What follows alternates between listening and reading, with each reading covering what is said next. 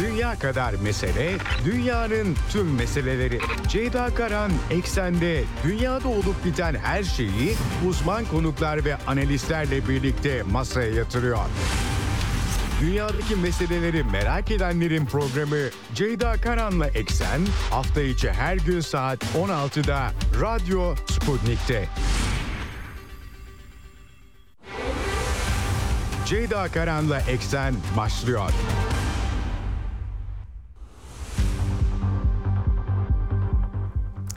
Eksenden merhabalar efendim. Bugün 31 Ocak 2024 günlerden çarşamba.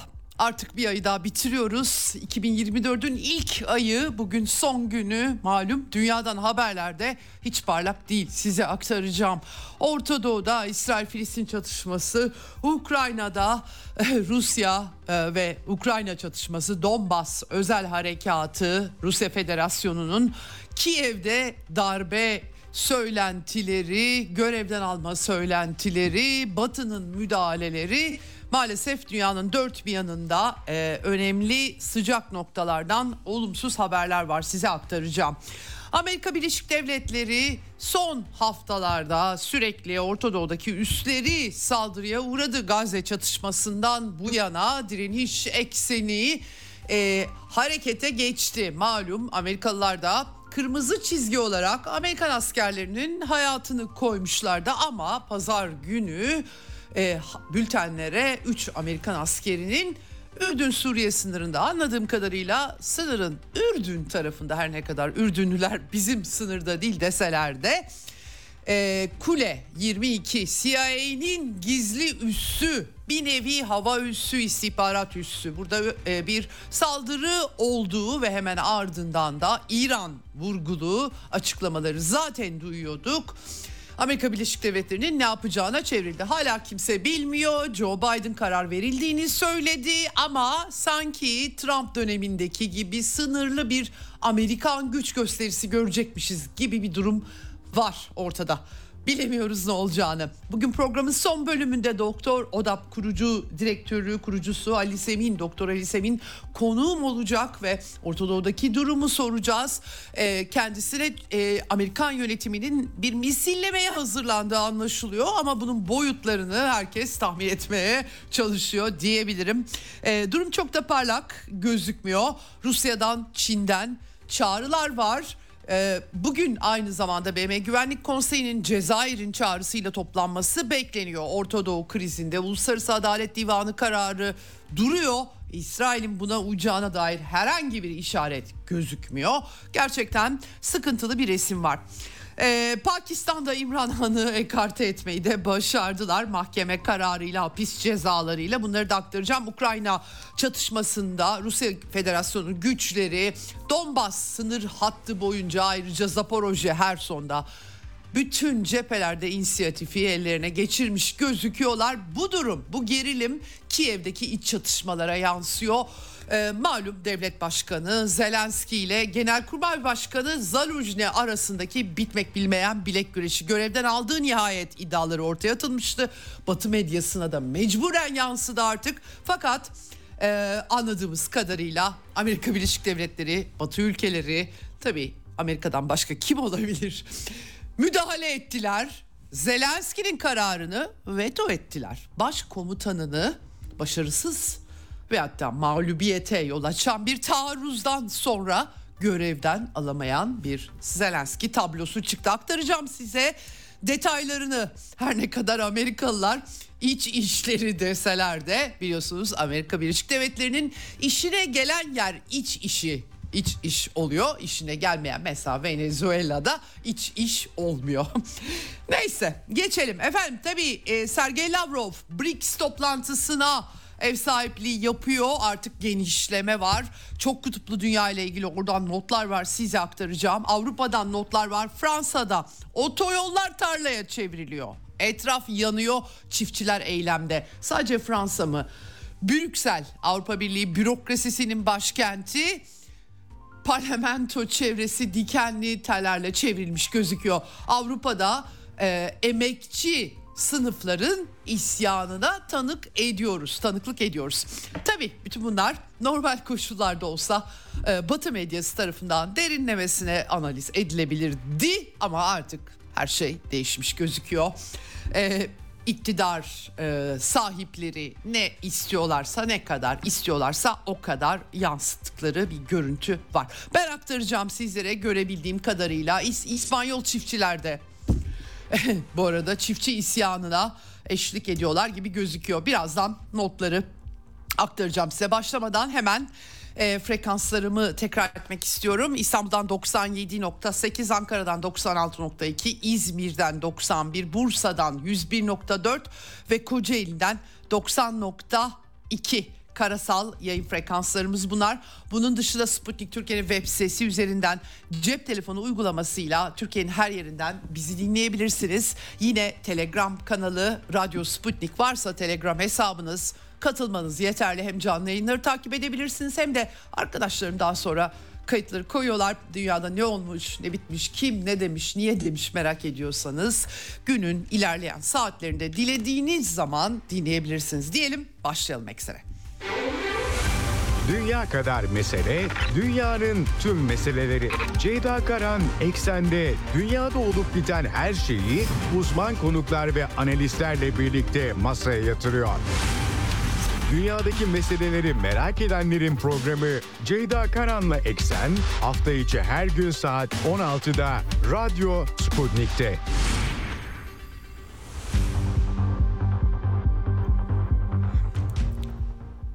Evet, e, şimdi önce hemen tabii e, artık maalesef geleneksel olduğu hep ölüm haberleri size vermek durumunda kalıyorum ama Orta Doğu'daki kriz hali, can kayıpları, insani dram bitmek bilmiyor. Maalesef bu çatışma ateşkesle durdurulmadığı müddetçe de ucu bucağı gözükmüyor ama durumda gerçekten e, felakete dönüşmüş vaziyette. Her ne kadar bir süre sonra silahlı çatışmalar kanıksansa bile e, Filistin meselesi 7 Ekim'e kadar çoktan unutulmuş idi ama artık unutmak ne mümkün bölgedeki yankılarıyla uğraşıyoruz dolayısıyla gelen bilgileri size aktarmaya çalışıyorum. Şimdi en son tabii bu e, rakamlar Gazze'deki Filistin Sağlık Bakanlığı'nın rakamları ama büyük ölçüde BM örgütleri bunları doğrular nitelikte hatta İsrail tarafının bile bunlara baktığı söyleniyor. E, durum hakikaten kötü. E, 26.927 bine dayanmış durumda can kayıpları, sivil can kayıpları bunların en az 10 bini çocuklardan oluşuyor. Maalesef bu çatışmanın en büyük kurbanı Gazze'deki siviller. Yaralı sayısı 66 bine dayanmış durumda. 117. gün bugün yanlış hesaplamadıysam. Ee, İsrail askeri kayıpları da artıyor. En son kuzeyde ikisi subay, 3 asker güneyde de aynı zamanda bir yüzbaşı kaybetmiş İsrail ve 223 olarak veriliyor. Kara işgali sürecinde toplamda 560 asker kayıpları İsrail için azımsanacak gibi gözükmüyor. Ee, tartışmalar Filistin e, mültecilere yardım ajansı üzerine toplanmış durumda iki gündür gelen bilgileri aktarıyorum size. Tabii bu önemli çünkü 20. yüzyılda İsrail Taksim sonrası İsrail e, devletleşebilirken Filistinli Araplar e, BM Taksim planını kabul etmemeleri o dönemdeki diğer Arap devletleriyle beraber açılan savaşlar derken e, Filistin tarafının devletleşemediği ve e, sürgün yaşadığı bir süreç. Bu süreçte işte Filistinliler için normal bildiğimiz BM mültecilere yardım e, örgütü var elbette dünya örgütünün ama o kadar önemli bir vakaya dönüştü ki o, o dönemde Filistinliler için özel bir e, Filistinlilere yardım ajansı kurulmuştu. Şimdi İsrail e, bu ajansın e, bir takım çalışanlarının ki 12 kişiden söz ediliyor binlerce çalışan var bu arada. Tabii ki Filistinli e, e, sadece Gazze'de değil Batı Şeria'da toplamda 5.9 milyon insan yardıma muhtaç. Ve 12 kişi yüzünden Batılı devletler bu e, yardım ajansına mali katkıları askıya aldılar. Tabii bu büyük bir tartışma konusu çünkü içeride açlık krizi, temizlik, sağlık pek çok konu Gazze'de. Dolayısıyla BM Genel Sekreteri, Dünya Sağlık Örgütü Direktörü mali desteğin kesilmemesi çağrıları yapıyor e, bu konuda. E, bugün Genel Sekreter Guterres İsrail'in raporlaması var. İthamlar var tabii ki çalışanlarla ilgili. E, e, ajansın Filistinlere yardım ajansının bağışçılarıyla bir araya geliyor. Soruşturma açılmıştı. Tabii e, olabilir böyle bir şey. Hamas'ın 7 Ekim saldırısına katkı yapmış olanlar da olabilir. Doğrudur ama bütün bir ajansın sivil nüfusa 5.9 milyon sadece Gazze değil nüfusa yardım sağlayan bir BM kurumunun kapatılması tabii ki e, başka bir şey yoruluyor. Dünyada Uluslararası Adalet Divanı'nın İsrail'e yönelik kararı daha doğrusu ön kararı demek lazım. Ee, üzerinde de yazdığı üzere e, soykırım davası açmıştı Güney Afrika Cumhuriyeti ve buna verilen yanıt. Amerika Birleşik Devletleri, batılı örgütler Almanya, İsviçre, İtalya, Kanada, Finlandiya, İzlanda, Avustralya, İngiltere, Hollanda, Fransa, Japonya, Estonya, Avusturya, finansal desteği geçici süre askıya aldıklarını duyurdular. Şubat sonundan itibaren yardım yapılamayacağını söylüyor BM yetkilileri. Norveç, İrlanda ve İspanya askıya almayı reddetmiş durumdalar. Bakalım Antonio Guterres bu işi çözebilecek mi? Yani herhangi bir büyük kurumda içinde bir takım e, yanlışlıklar olduğunda soruşturma açılır ve eğer gerçekse e, bu e, söylenenler o kişiler cezalandırılır ama tabii bütün bir kurumun e, cezalandırılması dünyada toplu cezalandırmaya denk olarak görülmekte. Açıkçası İsraillerin de bundan ne gibi bir fayda sağlayacağını kestirmekte zorlanıyorum ama Gazze şeridi içerisinde açlık alarmını bizzat BM örgütleri verirken sınırda e, İsrailli radikaller toplanıp o insanların açlıktan ölmesini daha sonra da kendilerinin gidip oralara yerleşmesi için gösteriler yapabiliyorlar. Gerçekten e, ben e, hani insani anlamda e, hiçbir anlamda siyasi ideolojik anlamda e, bir mana veremiyorum. Biliyorum oradaki düşmanlıkların boyutlarını ama buna bir son vermek gerekiyor. Aksi takdirde e, önlenemez hasarlar ortaya çıkacak diye düşünüyorum. Şimdi bir tane bir başka vaka dün aktarmıştım size. Biraz tabii detaylarını eksik de görmüş olabilirim. İsrail askerlerinin hastane baskını Batı Şeria'da bu arada Gazze'de değil. Cenin'de e, doktor hemşire kılığında. Tabii yani genellikle düzenli ordularda hani tabii Gazze'de olup bitenler artık bir düzenli ordu meselesini de aşmış vaziyette ama bu bahsettiğim yer Gazze değil Batı Şeria olunca daha büyük bir tepki çekti. Bir ordunun askerleri kılık değiştiriyorlar. Doktor ve hemşire kılığına giriyorlar. Hastane basıyorlar. Belki de komada birilerini öldürüyorlar. E, terörle mücadele olarak izah ettiler. Tabii dünyada e, devletlerin bir takım örgütlerin başvurduğu tarzda eylemler yapıp yapmasının ne kadar münasip olduğunu sorgulayanlar çıktı. Amerika Birleşik Devletleri genellikle başkası yapsa ortalığı ayağa kaldırırlar tabii ama çifte standartlar artık ayyuka çıktı. Matthew Miller Dışişleri Sözcüsü Amerika'nın ona sormuşlar bunu. Ben de videosunu gördüm. Hamas üyelerine adaleti teslim etme kabiliyetine sahip olmalarının uygun olduğunu düşünüyoruz demiş. Evet Amerika Birleşik Devletleri her zaman işine gelenler konusunda böyle esnekliğe sahip bir ülke. İlke vesaire zaten bulunmuyor. Doğrusunu söylemek gerekirse hiçbir ilke yok. Kemiksiz, tam iliksiz, kemiksiz bir durum. Evet, e, velhasıl e, yani her yol her yol mübah diyorlar. Bu işin Türkçesi bu. Amerika Birleşik Devletleri kendi desteklediği herhangi bir yapı, örgüt, devlet onlar için her yol mübah. Böyle görüyor olayı. Net artık bu kaçıncı örnek. Ee, İsrail ordusu Gazze'deki tünelleri e, basıyor. Deniz suyu pompalandığını doğrulamış IDF'nin açıklaması. Wall Street Journal'dan aktardım ben size. Her ne kadar mühendislik çalışması yapıldı. Yeraltı sularına zarar verilmesi, toprak su yolları madem Yahudi yerleşimciler daha sonra düzlendikten sonra yerleşecek. Herkesin başına bela açabilir tabii ki ama Wall Street Journal haberinde işlerin iyi gitmediği yazılıyordu. Beklenen verimin alınamadığı çeşitli faktörler nedeniyle. Dolayısıyla bu suba Akdeniz'in suyunu tünellere basma işinin bu arada rehineler de var. Ne kadar amaca hizmet ettiği de tartışma konusu gibi gözüküyor ama böyle açıklama bu şekilde. Bir de ateşkes aktardım size Paris'te toplantı yapıldı 28 Ocak'ta yapıldı CIA Başkanı William Burns de gitti Mossad Başkanı Katar ve Mısır heyetleri arabulucu konumunda onlarla onlar var. Üç aşamalı planları aktarmıştım size. Hamas e, sözcüsü, yöneticisi Beyrut'taki isimlerden biri Bassam Halyaf açıklama yapmış.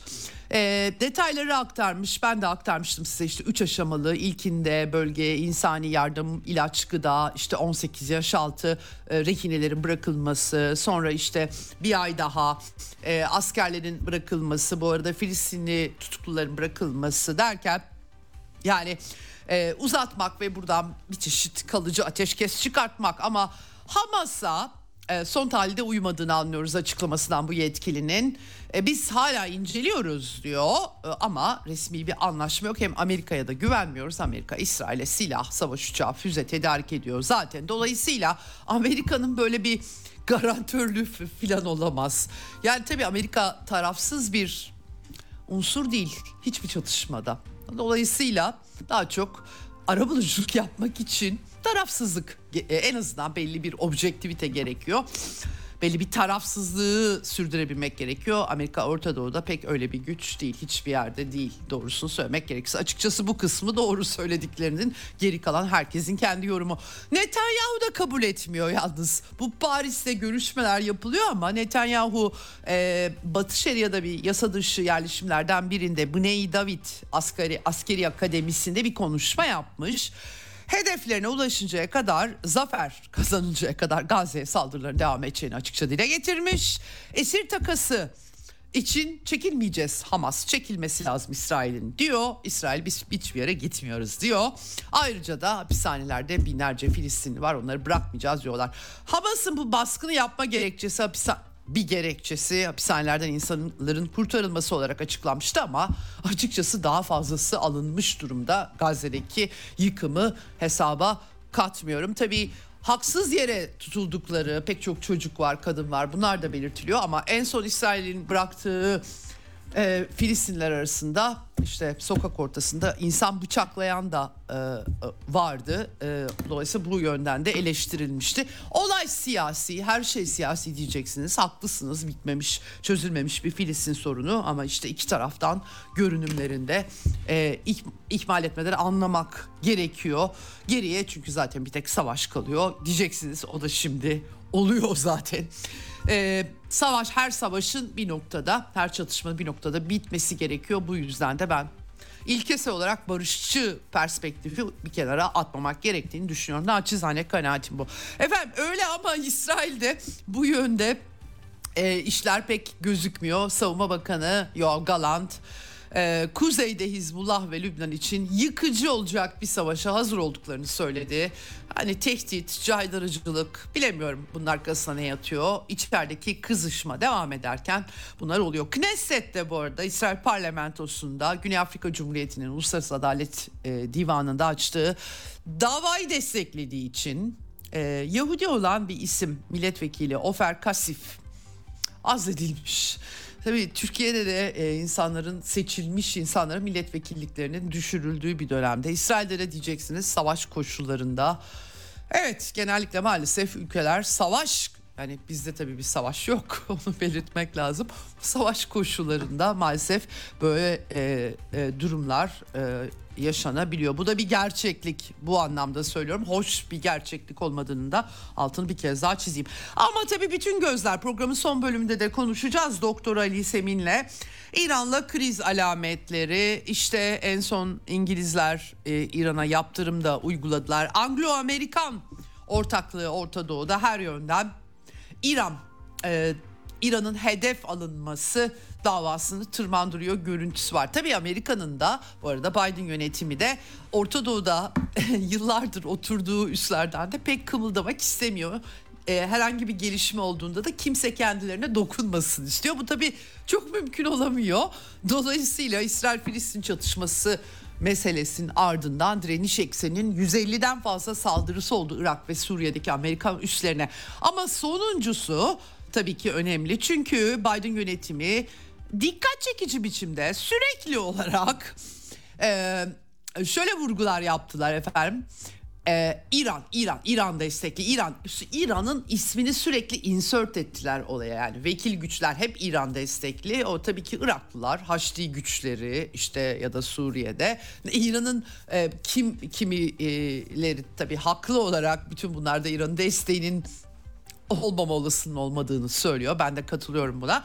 Ama tabii bunun politik olarak kullanımı kullanım biçimi sizin de e, uygulamalarınızı ortaya koyuyor. Şimdi en son e, Tanaf yakınları ben size Tanaf diye aktardım. Çünkü Tanaf üstünün 20 kilometre doğusunda böyle sınırın ucunda Suriye Ürdün sınırı. Ürdünlüler bizim topraklarımızda değil dediler ama orada bir üst kule 22.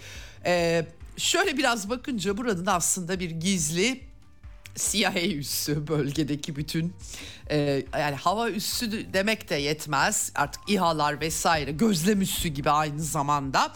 Anladığım kadarıyla burada e, bayağı bir şiddetli bir saldırı söz konusu. 3 asker hayatını yitirmiş 40'a yakın askerinde yaralandığı söyleniyor.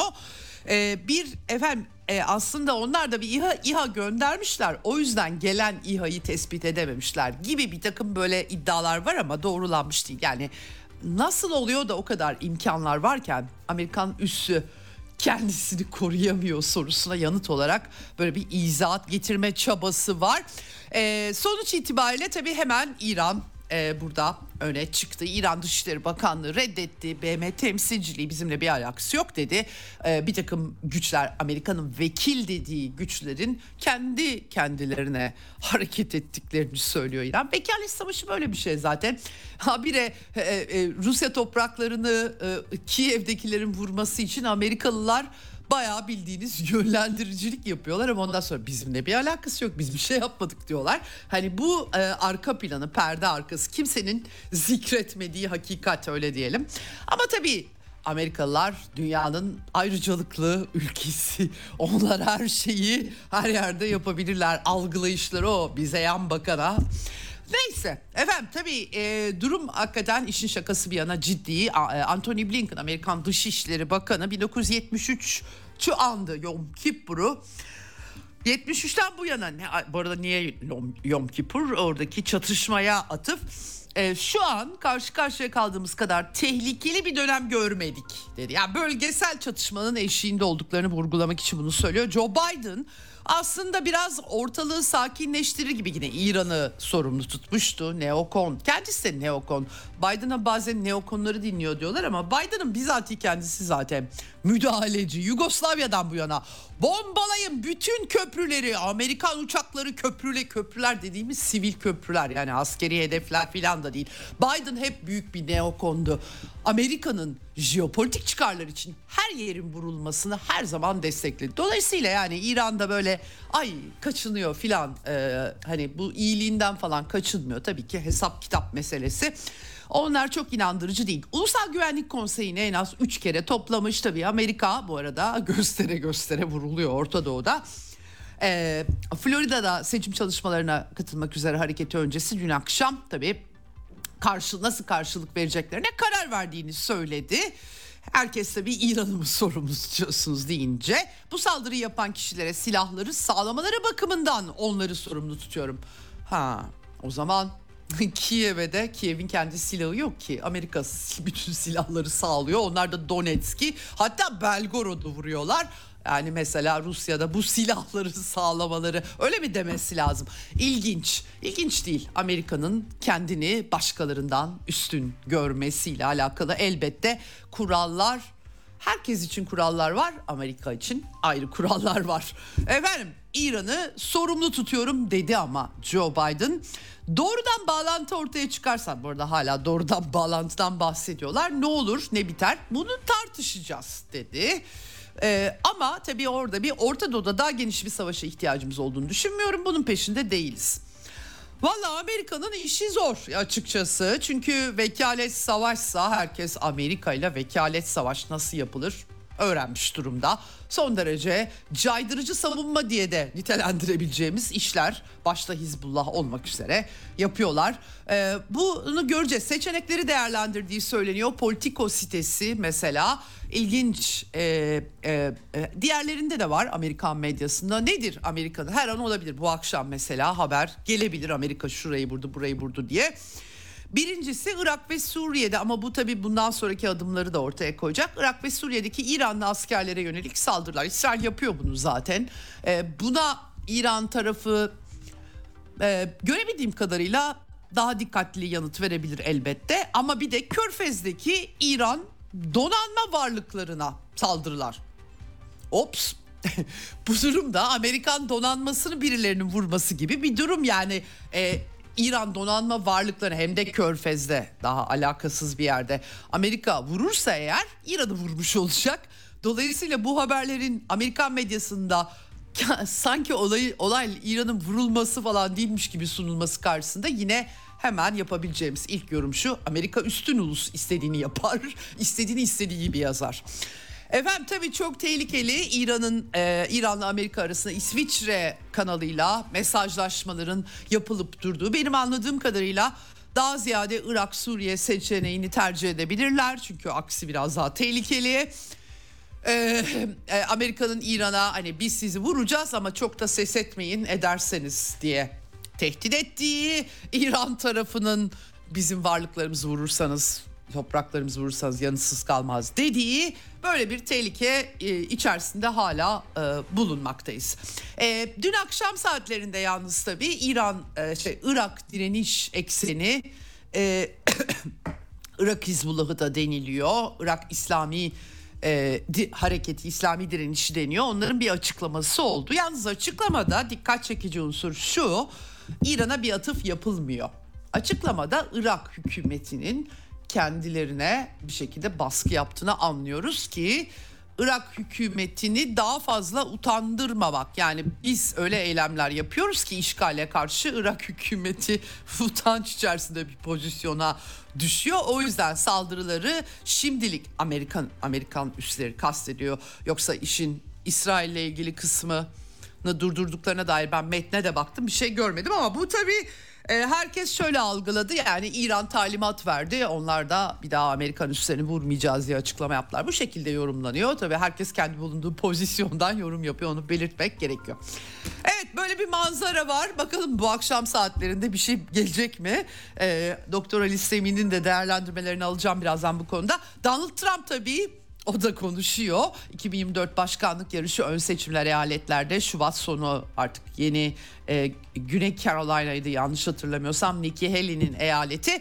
E, Trump tabii popülaritesi yükselmiş durumda. Joe Biden ülkemizi doğrudan 3. Dünya Savaşı'na götürüyor. Yarattığı kan gölü daha da kötüleşecek dedi.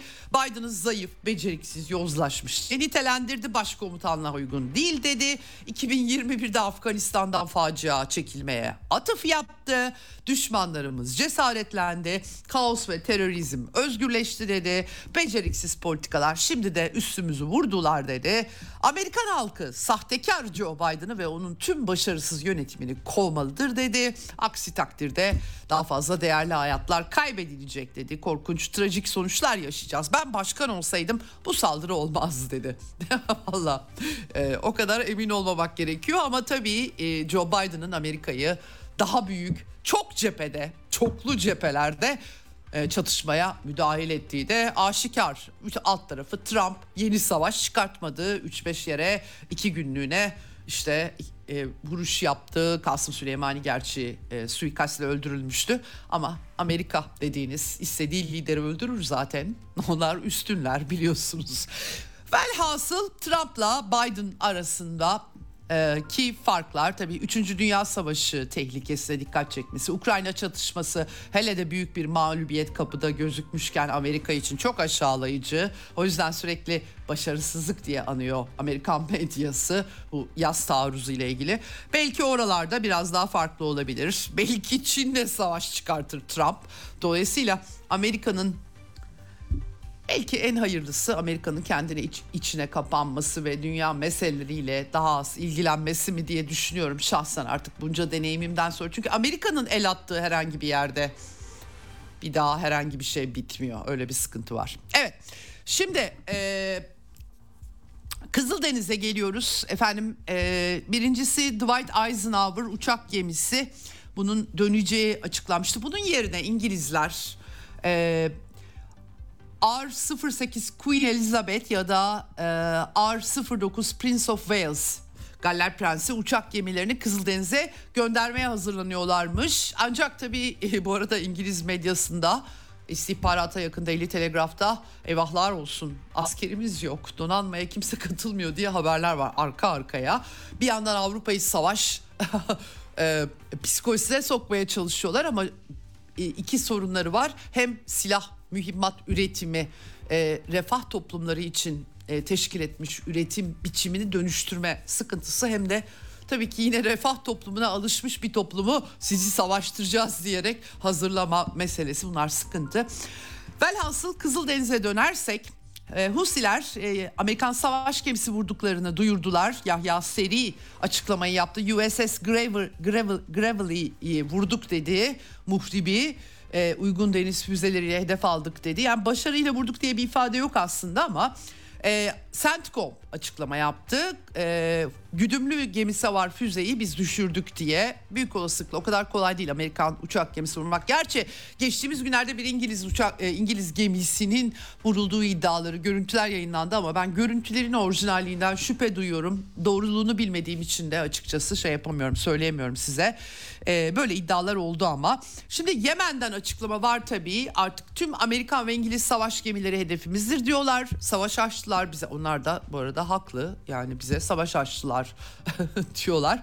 Ee, Yüksek Siyasi Konsey üyesi Muhammed El, e, Ali El Husi'nin açıklamaları var.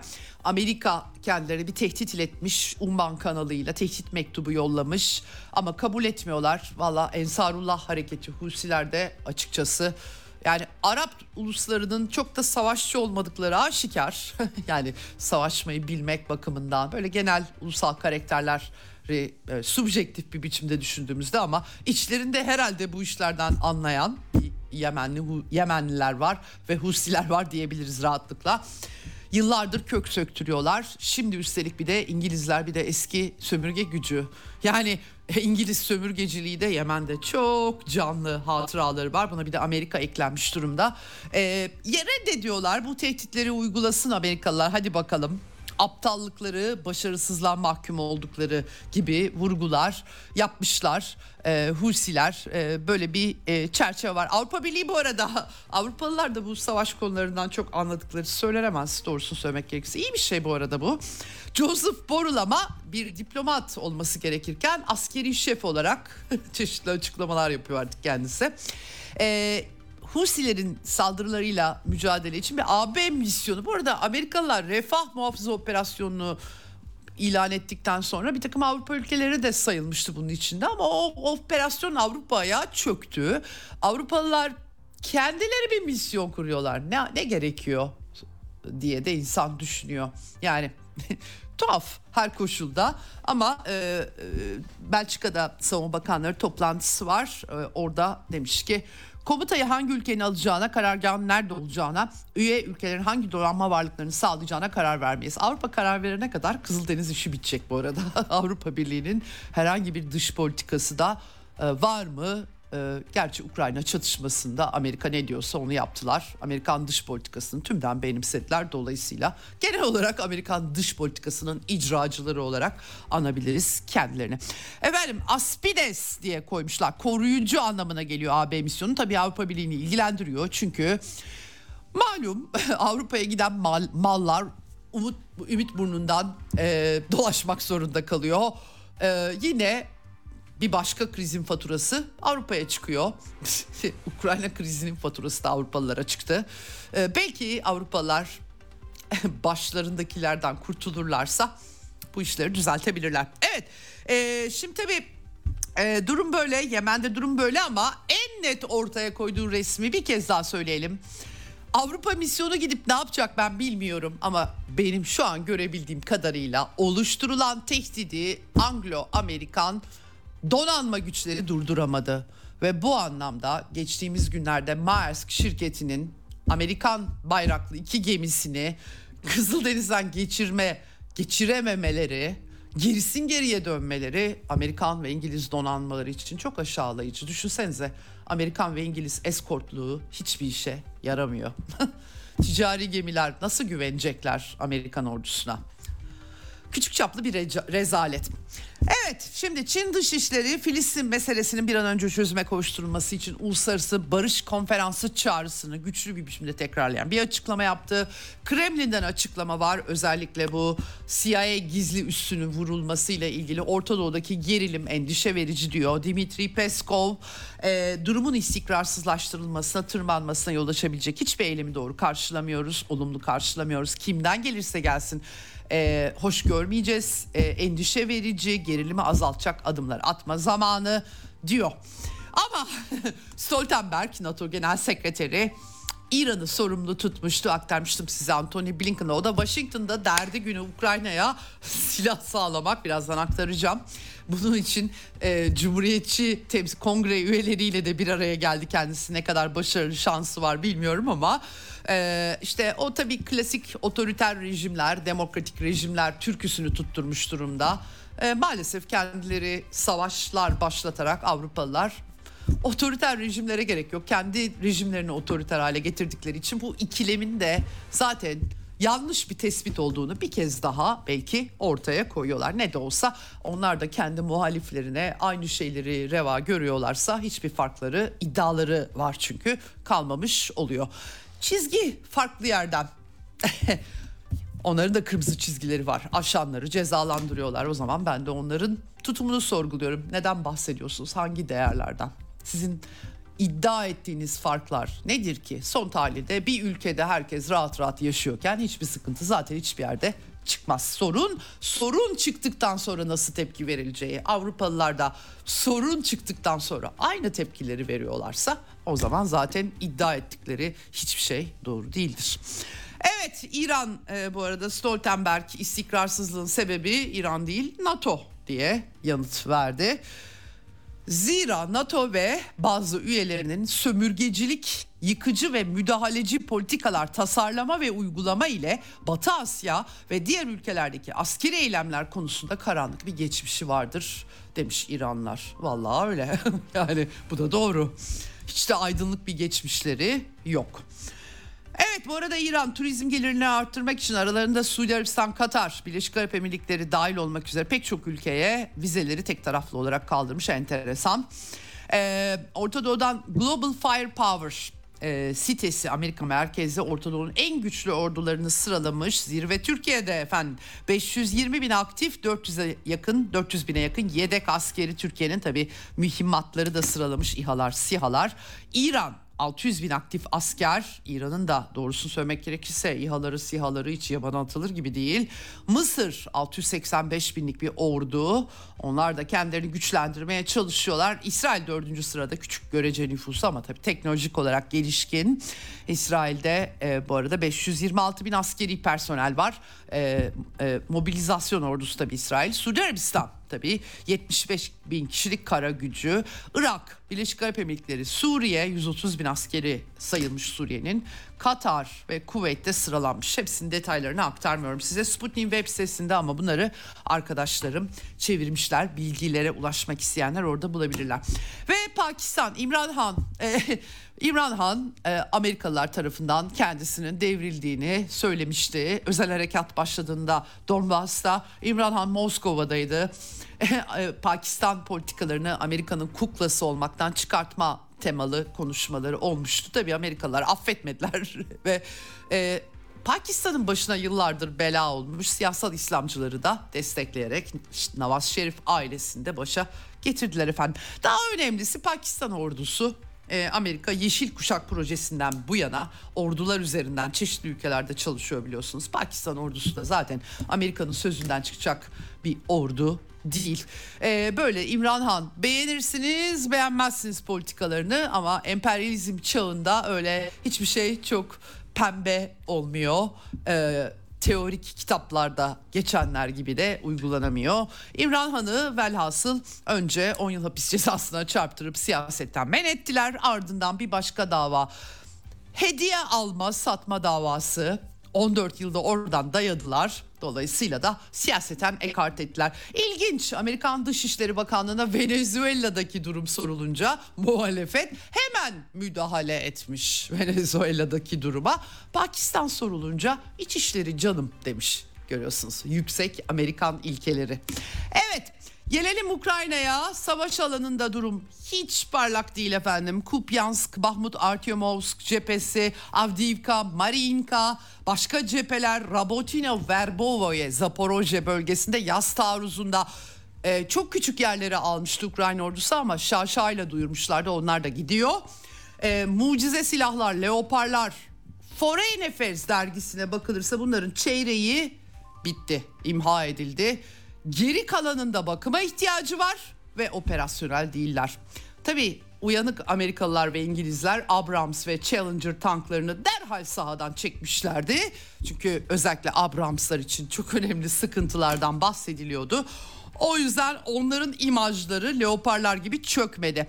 Amerikalılar yana yakıla e, Rusya silahları eski Sovyet silahları arıyorlar. Yunanistan'a e, bu konuda rüşvet diyebileceğimiz 200 milyon dolarlık bedavadan e, teçhizat artı F-35'ler var. Tabii Türkiye ile dengeleri de değiştireceği anlaşılan ya da kimilerin öyle iddia ettiği. E, onları e, alacaklar. Tabii Yunanistan Rusya ile yaptığı anlaşmaları ihlal edecek herhalde. Çünkü başka türlü mümkün değil kendilerine satılmış silahları ama kurallara dayalı düzen tabii Amerikan kurallarına dayalı. Ne kadar işlerine yarayacak ben bilmiyorum. İngilizler Japonlardan 155 milimetrelik mermi tedarikinin peşine düşmüşler. Biraz zorlanıyorlar. Gerçekten sıkıntılı bir durum var ortada. Ama asıl sıkıntı Kiev'de efendim. Zelenski'yi ben Zelenski ile Zaluzhny yani Genelkurmay Başkanı arasındaki bilek güreşini size aktarıyorum. Haber gördüğüm müddetçe. E, nihayet e, çünkü artık telegram kanalları hatta batı medyası ekonomistler Guardian'lar hepsi yazmak zorunda kaldı. Çünkü bir toplantı yapmışlar.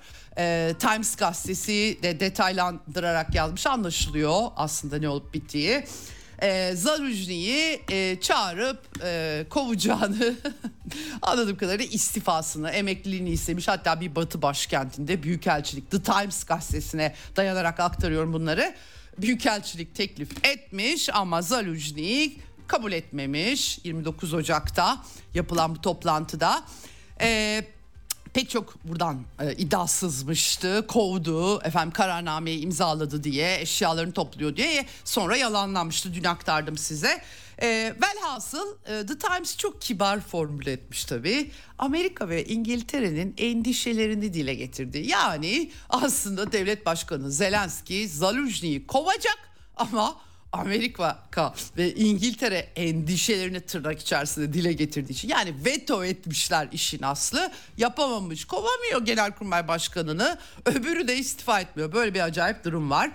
Ee, tabii e, yerine kimin getirileceği konusunda sıkıntılar olduğu Kara Kuvvetleri Komutanı General Sırski var. Ee, bir de Budanov var. Hiçbir e, deneyimi olmayan askeri istihbarat şefi. Bildiğimiz sıradan bir özel asker.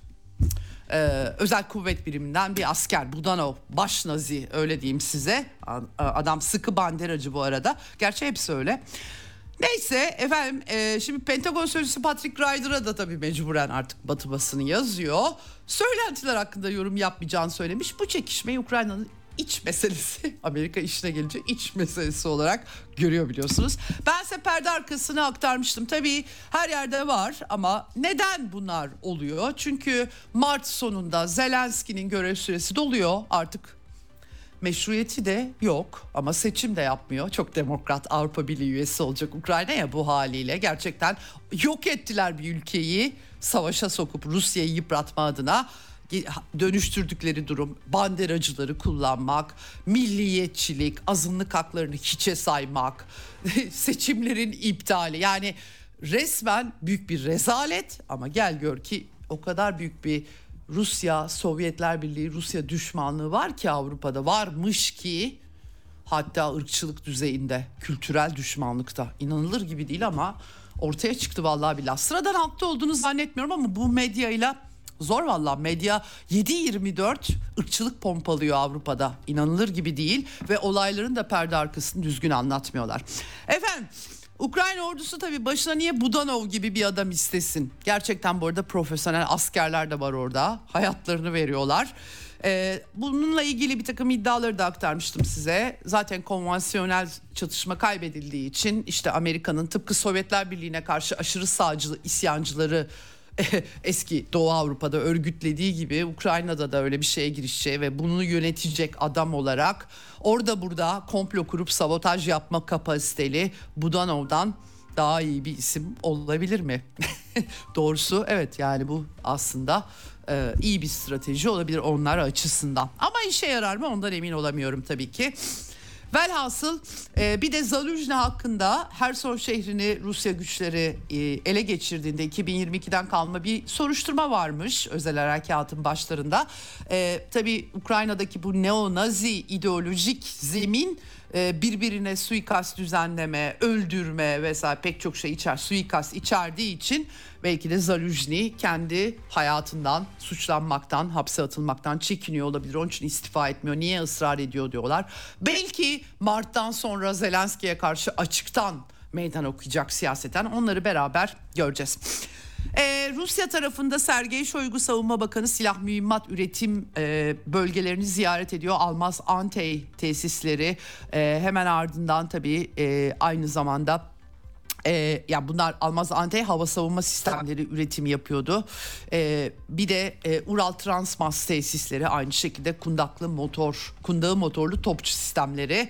Askeri teknolojiden çok anlamıyorum. Takip etmeye çalışıyorum ama e, Sergey Shoigu'nun video konferans yöntemiyle e, Çinli mevkidaşı e, Dong Jun'la görüşmesi var. Çin-Rusya e, ilişkilerinin e, ne kadar yolunda gittiği, e, çabaların koordinasyonu, e, e, bir şekilde çatışma e, potansiyelinin azaltılmasına birlikte katkı atmak gibi vurguları var. Askeri ilişkilerin istikrarlı geliştiği vurguları var ve e, Avrupa ve ABD'ye rağmen e, bir şekilde Çin Savunma Bakanı'nın Rusya'yı Ukrayna konusunda desteklemeye e, devam edeceği e, bir şekilde e, altını çizmesi var. Dikkat çekici.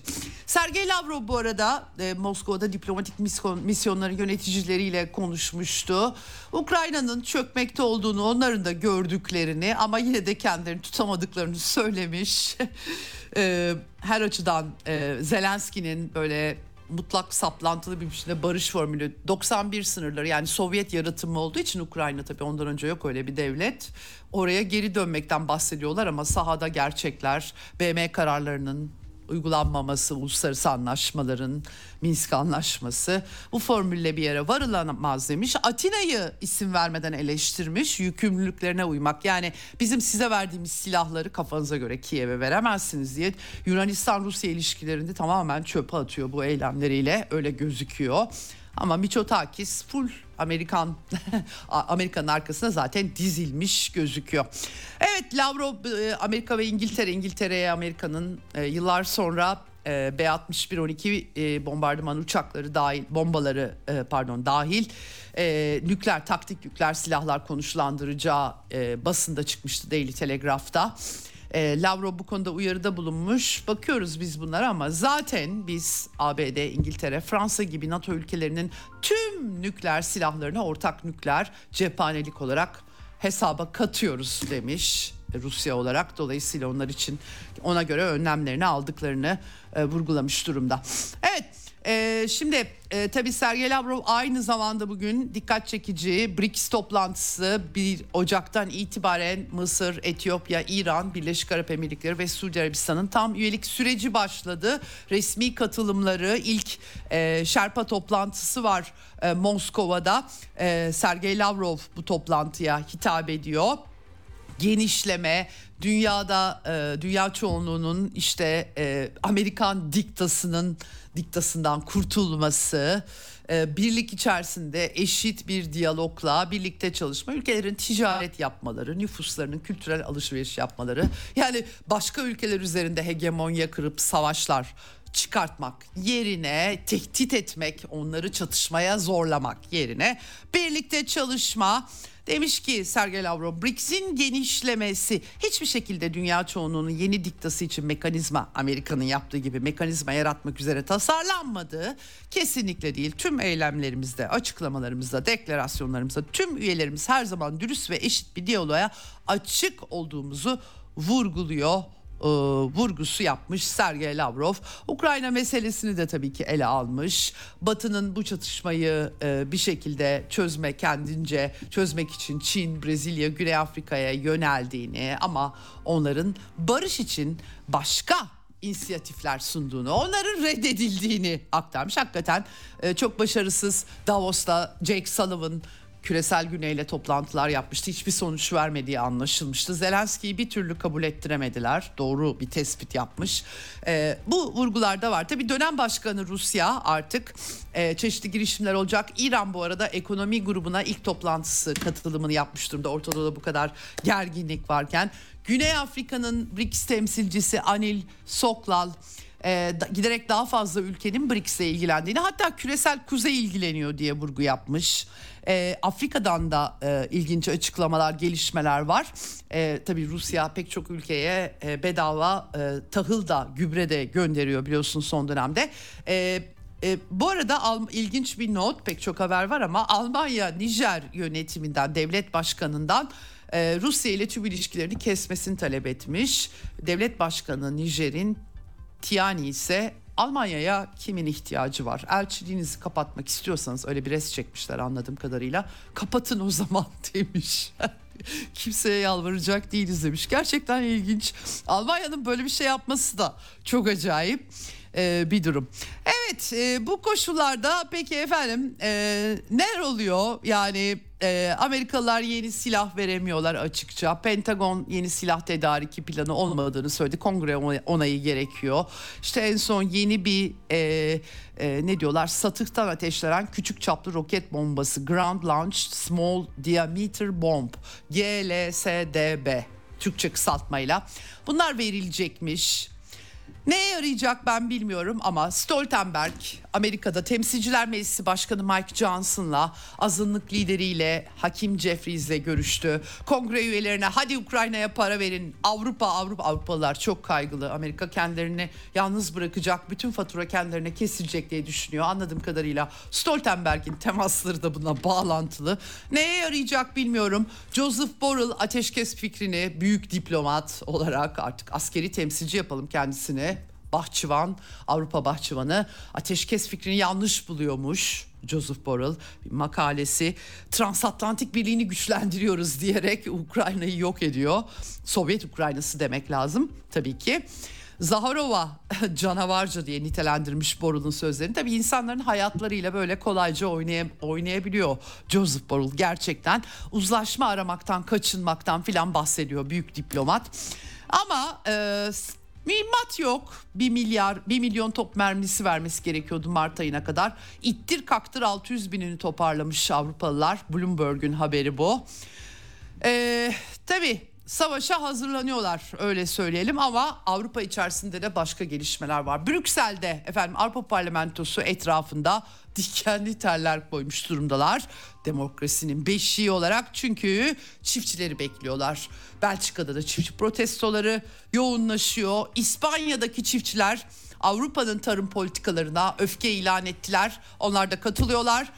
Fransa'da yollardan cayır cayır yangın görüntüleri e, tarlaya çevirmişler otoyolları. İnanılmaz görüntüler var gerçekten. Macron yönetimi zırhlı araçlar konuşlandırmışlar. Dün akşamdan geceden başladı konvoylar. E, Paris'i bloke ediyor çiftçiler. Hakikaten Fransız direnişi bir başka oluyor. Giderek durum şiddetleniyor Macron ve küreselleşmeciler diyelim liberaller yani kendi halklarının tabii ki sübvansiyonlarla alakalı savaşa paraları harcadığı için militarist Avrupa nüfusunu da biz sizi savaşa hazırlayacağız Rusya bize saldıracak diye mobilize etmeyi biliyorsunuz. Macron savaş ekonomisine geçtik diye bir iddiada bile bulundu. Fransızların haberi var mı bilmiyorum ama Fransızların derdi savaş ekonomisiyle hakikaten o yüzden çiftçileri bizim yaşamımızı zorlaştıracak işleri neden yapıyorsunuz diye e, böyle eylemlere kalkışıyorlar. E, bütün ülkelere örnek teşkil edecek tabii ki hükümetler nihayetinde başka ülkelere savaş açmakta bu kadar elleri kolları serbest olmamalı halklarının sorunlarıyla ilgilenmesi gerekiyor. Her ülke için geçerli tabii ki varlık sorunu yaşayanlar ve saldırıya uğrayanların refleksleri farklı çalışabilir ama Avrupa'ya kim saldırıyor ki zaten?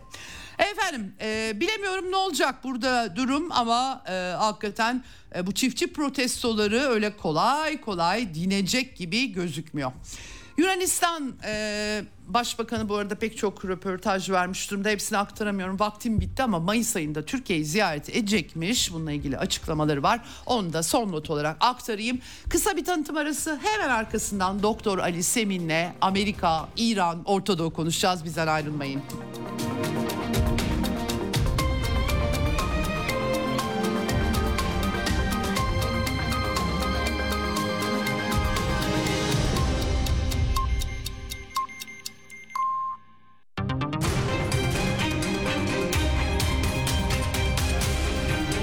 Radyo Sputnik. Anlatılmayanları anlatıyoruz.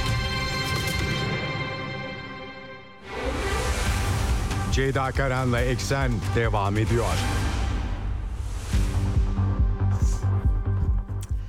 Evet Eksen'in son bölümündeyiz. Telefon hattımızın diğer ucunda e, ODAP direktörü kurucusu Doktor Ali Semin e, var. Hoş geldiniz efendim yayınımıza. Hoş bulduk. Teşekkür ederim Ceyda Hanım. İyi yayınlar dilerim. Ben teşekkür ederim Ali Bey. Ee, sizinle konuşalı epey bir zaman oldu en son yanılmıyorsam 2023 sonlarına doğru konuşmuştuk. Evet. Orta Doğu'da çok çok değişen bir resim yok ama gerginliğin bir tık daha yükseldiğini görüyoruz. Tabii Amerikalılar e, aslında 150'den fazla Evet. saldırı oldu e, e, Amerika'nın Orta Doğu- Doğu'daki üstlere. Tabii Gazze çatışmasıyla doğrudan bağlantılı ama e, Amerikalılar e, askerlerinin öldürülmesini kırmızı çizgi olarak koymuşken bu hafta sonu nihayet Evet. gizli bir CIA üstünden geldi haber. Şimdi herkes e, dün akşam bir şey olmadı. Ben e, böyle durumlarda uyuyamıyorum genelde. Sabaha kadar haber takip Evet. ediyorum. E, dün akşam gelmedi ama Joe Biden açıklama yaptı. Misilleme yapacak Amerikalılar ama nereden yapacaklar? E, herhalde bu gece bir şey bekliyor herkes öyle diyeyim. Bilemiyorum siz bekliyor musunuz? Öncelikle bir Orta Doğu'daki durumu size sorayım hemen. Evet. E, yani genel değerlendirmeniz buraya e, nasıl geldik? Buradan sonra nereye gidiyoruz bağlamında? Tabii.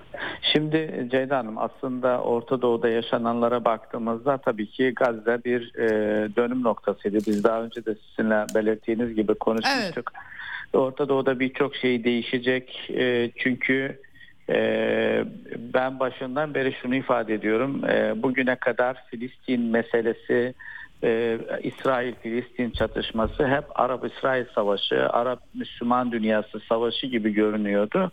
Ancak e, 48, 67, e, 73 savaşları hep böyle sınırlı kalmıştı. Ama 7 Ekim'den sonraki e, sürece baktığımızda Al-Aqsa tufanı ile beraber bu denklem değişti. Artık e, Filistin meselesi, Gazze meselesi ve İsrail saldırıları sadece ve sadece e, Filistin'le sınırlı kalmayacak. Çünkü bölge çok ciddi anlamda e, geçtiğimiz Soğuk Savaş döneminden günümüze kadar aslında çok esnek ve çok rakabet e, alanı oluşan e, bölge Evet. olarak değerlendirmek mümkün. Mesela bir örnek vereyim isterseniz. E, Doğu Akdeniz'de farklı bir e, güç rakabeti var. İşte Ruslar var, Amerikalılar var, Rusya ile beraber bir rakabet halinde İngilizler var. Ama e, do- diğer tarafa bakıyorsunuz Arap Yarımadası, Kızıldeniz'de Çin var ve Amerika Birleşik Devletleri var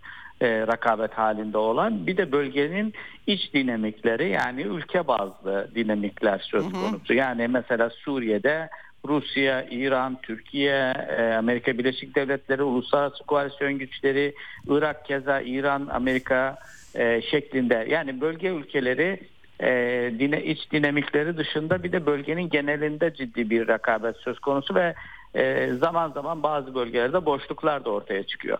Onun için bu gelişmelere baktığımızda 7 Ekim'den bu yana bölgemizde aslında biz farkında değiliz belki şimdi. Çok şey değişti.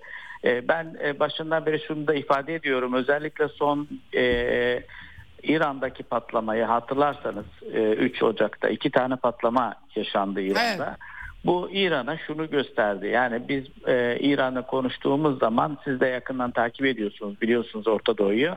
E, Arap Baharı'ndan sonra İran vekalet savaşına başlamadı. İran-Irak savaşından sonra sürecinde de vardı böyle İran'ın e, vekil savaşçılar üzerine milis güçler işte Bedir Tugaylarını kurdu Irak hükümetine karşı Saddam yönetimine karşı mesela e, Hizbullah'ı 82 yılında kurdu evet. ama 84 yılında sesini duyurdu evet. Lübnan'da evet yani Orta Doğu'yu bilmeyenler genellikle bunu Arap Baharı ile beraber İran'ı sınırlandırıyorlar ama değil. Ee, İran e, Hümeyni devriminden bu yana kendi hı hı. sınırını dışarıdan korumak için hep böyle hı hı. bir e, milis güçleri organizasyonu veya devlet dışı silahlı aktörler üzerinden gitti. Bunu mezhep üzerinden de yaptı, mezhep dışından da yapabildi.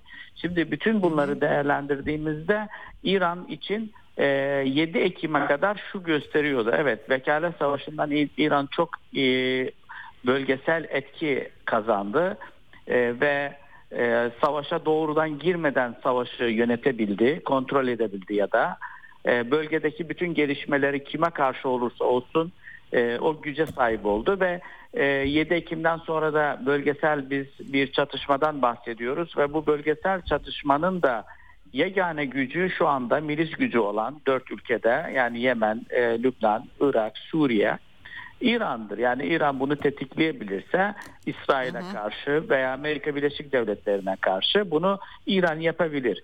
Ancak hı hı. 3 Ocak'tan bu yana dikkat ederseniz Amerika'nın hedeflerinden bir tanesi İran'ı milis güçleri üzerinden değil tam tersi İran'ı doğrudan bölgesel savaşa bakın burada bunun altını çizmek istiyorum. Amerika ile doğrudan savaşmak için değil. Bölgesel hmm. çatışmaya doğrudan İran'ı sevk etmek istiyor. Yani İran'ın son Erbil saldırısına baktığımızda bir iş adamının evine biliyorsunuz. Ee, evet. Burada doğrudan kendisi ilk defa İran e, özellikle devrim muhafızları açıklama yaptı. Bunu üstlendi bu, e, bu saldırıyı. Pakistan evet, e, İdlib'i vurdular. Pakistan tabii, ve Erbil'i. Bir tabii. daha söyleyebilir misiniz? Kafam karıştı bir an daldım kusuruma bakmayın. Amerikalılar İran'ın e, evet, vekil e, bir şekilde bağlantılı güçler değil doğrudan müdahale etmeye mi e, sevk ediyor diyorsunuz e, Amerikan evet, tarafı? Ben şunu e, ifade evet şunu söylüyorum. Hı-hı. Yani Amerika ile şu yanlış anlaşılmasın. Amerika ile doğrudan çatışmak için değil. Bölgesel çatışmalarda İran'ın doğrudan bulunmasını istiyorlar. Okey anladım anladım. Ha, tamam. Yani e, hedef öyle bir hedef. Ee, İran için mesela risk Irak, Suriye ve e, Lübnan şeklinde bir üçgenden bahsedebiliriz. Diğer taraftan baktığımızda hı hı. da Suudi Arabistan işte Körfez ülkeleri, Bahreyn bu.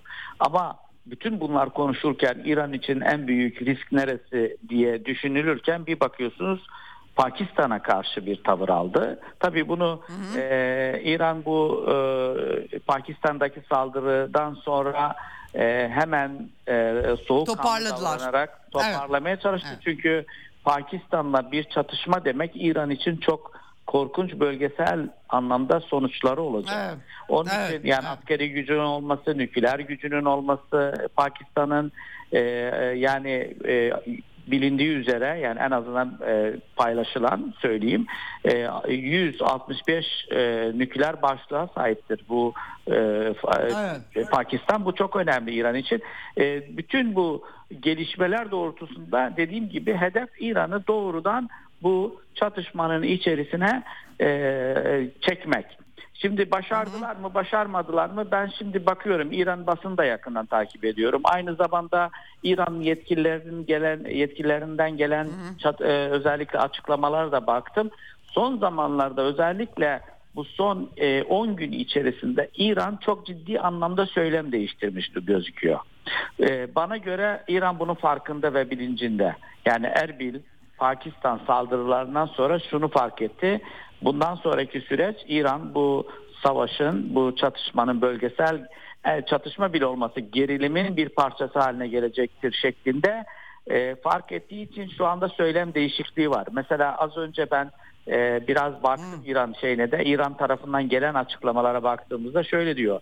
E, işte dışarıdaki Şii milis güçleri için söylüyor. Herhangi bir saldırı, bunlarla herhangi bir bağlantımız yok diyor. Bu Ürdün saldırısından sonra siz az önce belirttiğiniz gibi yani bu evet. Amerika buna cevap verir mi? E, Amerika için şu anda kırmızı çizgisi sizin de belirttiğiniz gibi e, çizilmiş oldu ama şöyle bir gerçek var. Bunun Lübnan'da e, e, Lübnan'da yapılmaması, onun dışında e, Ürdün'de olması, CIA için de olması bunlar hepsi ister istemez bize neyi gösteriyor? Ee, Ürdün'de İran'ın çok etkisi yok. Hepimiz biliyoruz. Yani şey anlamında söylüyorum. Milis gücü yok. Ee, ve bu e, e, bilindiği üzere drone'la, SİHA'yla vuruldu. E, ve bu evet. SİHA neden mesela e, bu SİHA'yı hemen imha etmediler? İşte düşman gibi görmedik diyorlar. Benim aklıma ne geldi? Daha önce biliyorsunuz Türkiye e, Suriye'nin e, özellikle Fırat'ın doğu, e, doğusunda YPG PKK terör örgütüne bir e, evet, hareket SİHA. düzenlemişti. Evet. Biz, e, bizim bir İHA'mızı düşürmüştü Amerikan üstünden e, evet, olarak. Evet, Niye? Evet, işte evet. biz bunu algılamadık dediler kime ait olduğunu. Ki Türkiye bilgi de vererek yapıyor biliyorsunuz NATO üyesi Bu sefer algılamamışlar ama düşürememişler anladığım evet, kadarıyla öyle bir sıkıntı bu. var. Evet, işte Bilemedim bunu, enteresan e, biraz komplolar da var bu Amerika, konuda. Amerika'nın yani olmadığı böyle evet. bir olayın mesela ya da e, ya bir da şey var. yani artık Bilemiyorum hangisi evet, doğru. Amerika'nın evet, yani bunu nasıl bir bazen diyorlar işte Amerika böyle bir şey yapar mı? Komplo olabilir. İşte CIA bunu nasıl yapabildi? İşte kendi içinden mi bunu yaptı? Ben hep şunu söylüyorum. 11 Eylül'de Amerika Birleşik Devletleri ikiz kulesini yıktı. Sonra Afganistan, Irak için gerekçe oluşturdu. Terörle mücadele, küresel terör adı altında. Yani bu çok fazla şey değil. Yani böyle e, yapmaz dediğimiz e, bir durum değil ama bölgede bir değişikliğe bir değişime gitmek istiyorsa Amerika Birleşik Devletleri bunu yapar. Bu çok rahat bir evet. şekilde yapar. Ama şöyle bir gerçek var. Onu da unutmamak gerekiyor. Seçimler var. Şimdi bu seçimleri etkileyecek Heh, bu tür Amerika saldırılar. açısından şimdi hemen Amerika araya için. onu da e, sormak evet. istiyorum. Şimdi şimdi e, Amerika'da da demokratların ben yine Amerikan medyasını okuyarak okuyarak algıladıklarımdan evet. yola çıkarak soruyorum size. Mesela Politico'da görüyoruz demokratların içerisinde kaygılılar var. Çok fazla cephede e, çok fazla atraksiyon yapmaya çalışıyor ve Tabii. bunun altında ezilen bir e, yani Kızıldeniz'de e, eskortluk yapıyorlar olmuyor. İşte Orta evet. Doğu'daki üsleri şey oluyor. Ukrayna'da mağlup oluyorlar resmen. inanılır gibi değil artık para da veremiyorlar. Bir ülkeyi yok ettiler Sovyet Ukrayna'sını falan derken evet. yani dolayısıyla Biden için de sıkıntılı. Şimdi bir yandan yanıt vereceğiz diyor Joe Biden. Bir diğer yandan da büyük savaşa ihtiyaç oldu ihtiyaçları olduğunu düşünmediklerini söylemiş. Amerika biraz daha artık bu mesajlaşmalarla e, böyle göstermelik bir vuruş yapıp e, duracak anlamına mı geliyor Şimdi yani şöyle, Amerika evet. açısından nasıl? Bir de Türkiye ile e, tabii Victoria Nuland geldi gitti ama bir yandan Irak'tan çekilsek mi? Ya bence e, evet. o işler biraz yaş ama hani Zor. en azından evet. bir yeni ikili anlaşma filan hani e, nedir yani ne yapmaya çalışıyor Şimdi, Amerika evet. ve ne yapabilir? Evet. Tabii biz Orta Doğu'yu Amerika'nın gözüyle baksak, e, okusak daha doğru olur iç dinamikleri dışında. Çünkü en azından neler döndüğünü de fark ederiz. E, onu söylemek lazım öncelikle. Şimdi benim gördüğüm kadarıyla söyleyeyim size. E, özellikle Biden yönetimi şu anda e, çok e, ciddi anlamda zor durumda bırakıldı bu süreçte. Yani Gazze evet. Savaşı'ndan sonra, Ukrayna-Rusya Savaşı'ndan sonra aslında bu durum ve siz dikkat ederseniz her e, olayda e, Trump çıkıyor diyor ki ben olsaydım diyor Ukrayna savaşı olmazdı mesela diyor. E, mesela. Ben olsaydım Gazze olmazdı. Evet ben olsaydım İran bu kadar geniş Doğru şey diyor olmazdı. Ben e, ben baskı altında almıştım şeyden e, özellikle nükleer anlaşmadan çekildim. Biden gitti milyarlarca doları dışarıda bloke edilen paralarını Ya. e, serbest bıraktı ve ona katkıda e, bulundu. Bu Biden bu faturanın şunu söyleyeyim. Yani biz İsrail Filistin meselesini Gazze'yi konuşuyoruz ama ben, e, ben de bunu e, bu kanaatteyim. Özellikle bu faturanın bölgesel Orta Doğu'daki faturanın çok ciddi anlamda Biden yönetimine e, kesileceğini de düşünüyorum. Onun için Biden şu anda e, savaşı tırmanlandırmak istemiyor. Derinleştirmek istemiyor çünkü biliyor artık Orta Doğu'nun bir bataklık olduğunu farkında. Bunu yapmak için şu anda e, siyasi bir intihar olur demokratlar için. E, bunu unutmamak gerekiyor. Ancak şöyle bir şey var. Eğer kontrollü bir savaş olsaydı Biden bunu rahatlıkla girebilirdi, yapabilirdi. Ama şu anda bölgesel anlamda kontrol edebilecek bir kabiliyetinin olmadığını, potansiyelinin olmadığını ve bu savaş e, bir herhangi bir çatışma Orta Doğu'da topyekun çatışmadan bölgesel anlamda söylüyorum. Sadece sınırlı değil işte Lübnan'da, Irak'ta, Suriye'de değil tamamen bir çatışma. Bunu Amerika'nın artık kontrol edebileceğini e, düşünmüyorum. Bunun da bilincinde oldukları için şu anda sizin sorunuza, ilk sorunuza cevap vereyim. Amerika şu anda yaptığı, yapılan açıklamalara baktığımızda Ürdün saldırısından sonraki süreç e, sadece Biden, Pentagon, Dışişleri Bakanlığı'nın bir açıklaması yok. Artık senatolar da girdi araya. Seçimleri buradan okuyabiliriz. Yani nasıl etkiliyor seçimlerin Amerika'nın ve e, derhal İran'ı vuralım diyorlar. Derhal. Yani Evet, evet, İran evet, olmalı evet, diyorlar. çok- Yani Evet. e, işte e, özellikle e, çok şahin kanat e, Amerika'da her zaman vardır biliyorsunuz. Onlar tamamen İran'ı bir an önce yok edelim şeklindeler. E, Ee, onlar ama- için hava hoş. Hürmüz Boğazı kapatıldığı zaman Biden politikaları darbe yiyecek. Onlara pek bir şey olmaz Tabii. değerlendirirler. Şimdi şöyle bir e, evet bu da var. Yani biz Kızıldeniz'den sonra Hürmüz'e zaten geçecek. Ya. Bu kriz. E, ve bunun altında da şöyle bir gerçek de var. Şimdi Biden e, e, sizin dediğiniz ilk soruya cevap vereyim. Biden bunu karşılıksız bırakırsa da zarar görür. Karşılık Evet. bir zaman da nasıl karşılık verdiğini ne oranda ne orantıda karşılık verdiği de soruşturulacaktır. Sorgulanacaktır daha doğrusu. Onun için bu sürece baktığımızda Biden için her türlü bir kayıp ortaya çıkıyor e, Evet. Ürdün saldırısından sonra. Ama şunu söyleyeyim. Muhakkak bir karşılığı olacaktır. Bunu biz Evet. şimdi ne olarak bakıyoruz? Kendileri ilk günden beri açıkladı. Yani Biden'ın açıklamasını ben kendi e, Twitter hesabımda, X hesabımda da pay- paylaştım. E, şöyle dedi. Yani istediğimiz e, şekil, e, seçeneği şeklinde ve istediğimiz zaman istediğimiz mekanda şeklinde söylüyor. Bunu bize e, şunu söyleyeyim. Yani bugün Amerika Birleşik Devletleri kalkıp Irak'ta, Suriye'de, Lübnan'da e, milis ya da Husileri vurarak bu işin e, içerisinden e, çıkacağını düşünmüyorum. Yani açık söyleyeyim. Çünkü bunları yapıyor. Evet. Şimdi yeni bir şey Evet. yapması lazım. İran'ı sarsacak. İran'ı etkileyecek ve kendi e, şey prestijini zedelenen prestijini tekrar bunu güçlendirecek yani e, geri alacak şekilde. Onun için bana göre bir e, şey bekliyorum. Yani askeri olarak düşünülebilir. Evet bu muhakkak bir seçenek olarak masada olabilir. Ben daha çok ekonomik anlamda bekliyorum. E, açık söyleyeyim İran'a karşı yeni yaptırımlar gelebilir. Daha kıskanç Ama olabilir. ne işe yarıyor ki? Amerikan yaptırımlarıyla artık dalga geçiyorlar. Bir de İran artık BRICS üyesi, Avrasya Ekonomi Birliği gündemi var. Çin'le ilişkileri var. Yani İran bu arada enerji zengini bir ülke. Yani Tabii. açıkçası Amerika'nın yaptırım, Amerika'nın ve Avrupa'nın yaptırım politikası zaten bumeranga dönüştü. Avrupa'da çiftçiler ayakta ayaklanıyor. Yani onların Evet. e, büyü, büyü resesyonun dibinden döndüler. Amerika'da sıkıntı daha iyi Amerikan ekonomisi ama e, Batı'nın artık yaptırım sopası da bu arada Biden yönetimi Ukrayna çatışmasını çıkararak ve uyguladığı politikalarla her cephede dünyaya hiçbir şeyi yaptıkları hiçbir şeyin bir sonuç getirmediği Evet, e, doğru. mesajı vermiş Ama var, olmadım. Yani, yani İran azından- neden korksun artık ekonomik yaptırımlardan? küresel- küresel Paralarını çalıyorlar ticaret- zaten. Evet, küresel Evet. ekonomi ve ticareti veya dünyaya Evet. işte yaptırımlar tekrar geri geliyor.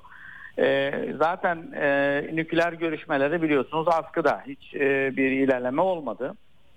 Bunu Evet. Biden tekrar e, Şimdi Biden'ın hatasından bir yani Biden'ın hatası ve talihsizliği Obama döneminde iki dönem e, başkan yardımcılığı yapmak ve bölgedeki gelişmeleri hepsini o süreçte işte nükleer e, görüşmeler, Arap hmm. Baharı, Irak'taki gelişmeler hepsine baktığımızda Biden bunların bizzat içinde Irak'ı üçe bölme e, senaryolarının planının da ya. e, fikir babası hmm. olarak bilindiği için söylüyorum 2009'da. Evet. Yani bütün bunlara baktığımızda Biden'ın e, bu işi bilmemesi bana göre biraz da yaşlılık. Yani şimdi Biden artık duvara konuşuyor. İşte karşısında şey yok. E, tokalaşıyor. Yani e, zaten onun e, meselesi Biden'la sınırlı değil. Amerika'daki seçimler demokratlarla sınırlı olduğu için yani Biden seçilir seçilmez aday gösterilir gösterilmez hiçbiri önemi yok. Demokratlar bu süreçten çok ciddi anlamda zarar gördüler ve bunu sürekli Trump işliyor. Yani Cumhuriyetçiler bunu işliyorlar çok rahat bir şekilde. Ee, evet. Bunu da söyleyeyim. Ee, Bush yönetimini hatırlayın. 2003 Irak, 2001 e, e, şeyde e, bilindiği üzere e, 11 Eylül saldırısından sonraki süreçte Afganistan işgal etti. Tekrar seçimi kazanmıştı savaşa rağmen. Ama artık Amerikan kamuoyu da savaş istemiyor. Yani iki tane büyük savaş yaşadı.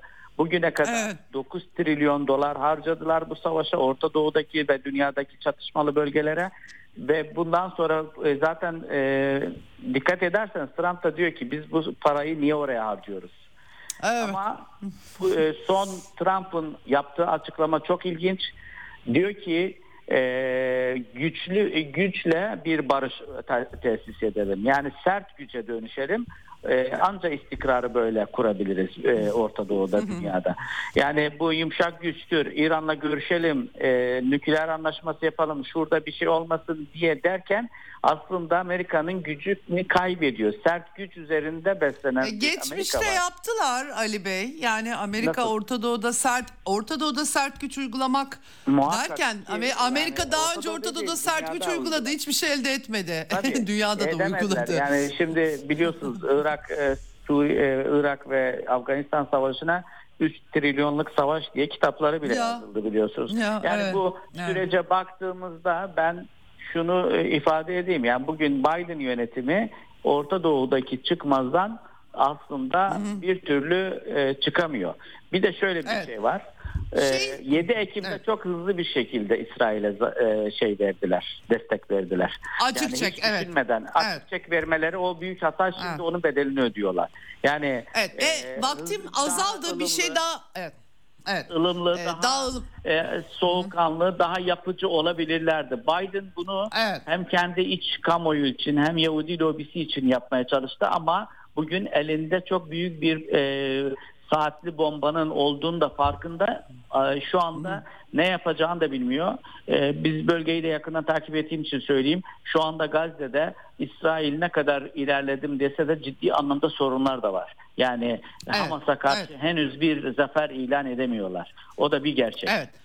Evet, evet e, ben de bunları aktarmaya çalışıyorum her gün. Çok teşekkür ediyorum bu konuda katkınız için ama Türkiye, ben Rusya, İran ayağını da sormak istiyorum size. Çünkü, evet. çünkü Astana toplantısı da yapıldı biliyorsunuz. Elbette. Ee, Yani bu ilginçti tabii. Oradan somut illa bir şey çıkacağı için değil ama Amerika'nın bir şekilde Irak'tan Suriye'den e, tırnak içerisinde bence çekilmeyecek tabii ama hani evet, tartışmalar bakımından söylüyorum.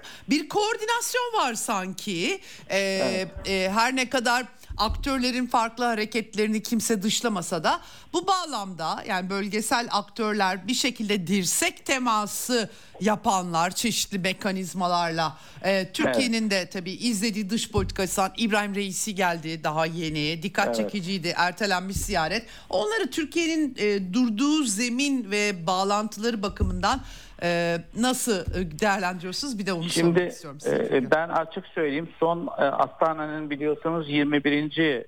E, toplantısıydı. Evet, e, benim dikkatim çeken bir kere sizin ilk sorunuzdan başlayayım. Amerika Birleşik Devletleri ne Suriye'den ne de Irak'tan çekilecek. Çünkü bu boşluğu bıraktıktan sonra Çin'in Rusya'nın dolduracağını çok iyi biliyor. E, bu gelişmeler doğrultusunda. Bir de şöyle bir şey var. Ee, Irak için özellikle şimdi stratejik ortaklık adı altında güvenlik pardon anlaşması adı altında komisyonları havale ettiler unutulsun diye. Bir süre sonra unutulacak komisyonların da görüşmesi falan.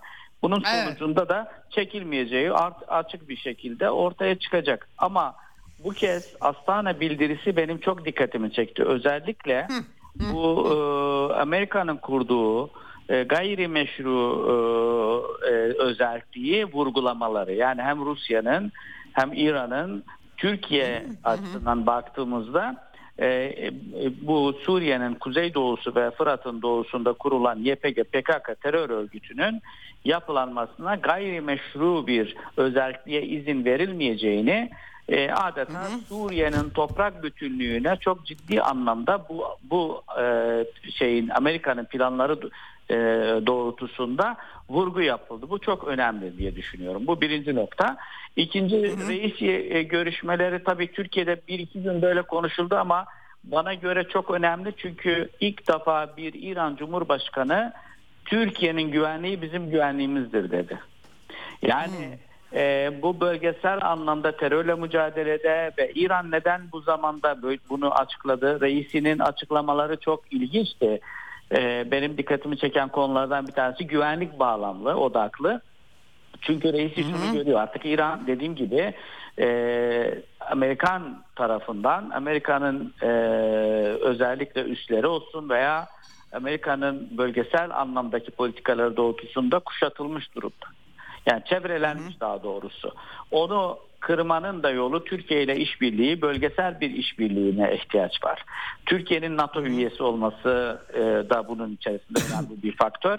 E, ama Hı. sonuç itibariyle baktığımızda burada İran'ın kuşatılmaktan kurtulma, e, Amerikan çevrelemesinden kurtulama, kurtulmanın yolu e, Türkiye ile özellikle terör mücadele, terörle mücadele kapsamında bu PKK, YPG, PEJAK gibi terör örgütleriyle de mücadele ortak bir mücadele ihtiyaç olduğunu bunlar farkındalar. E, bu hı hı. tabii ki ikili ilişkilerin dediğim gibi hedef e, tabii doğalgaz anlaşmalarımız var bizim Türkiye olarak onun dışında ekonomik hedefimiz 30 milyar dolar olması ama hepsine baktığımızda temel hedef İran şunun farkına vardı artık. Yani Amerika'nın evet işgal etmeyebilir ama İran'ın için içiyle bugüne kadar İran'ın bölgesel anlamdaki e, uzantılarıyla Amerika hep e, mücadele eder gibi yaptı. Ama hı hı. bundan sonra İran'ın içini karıştıracak bir Amerikan da söz konusu.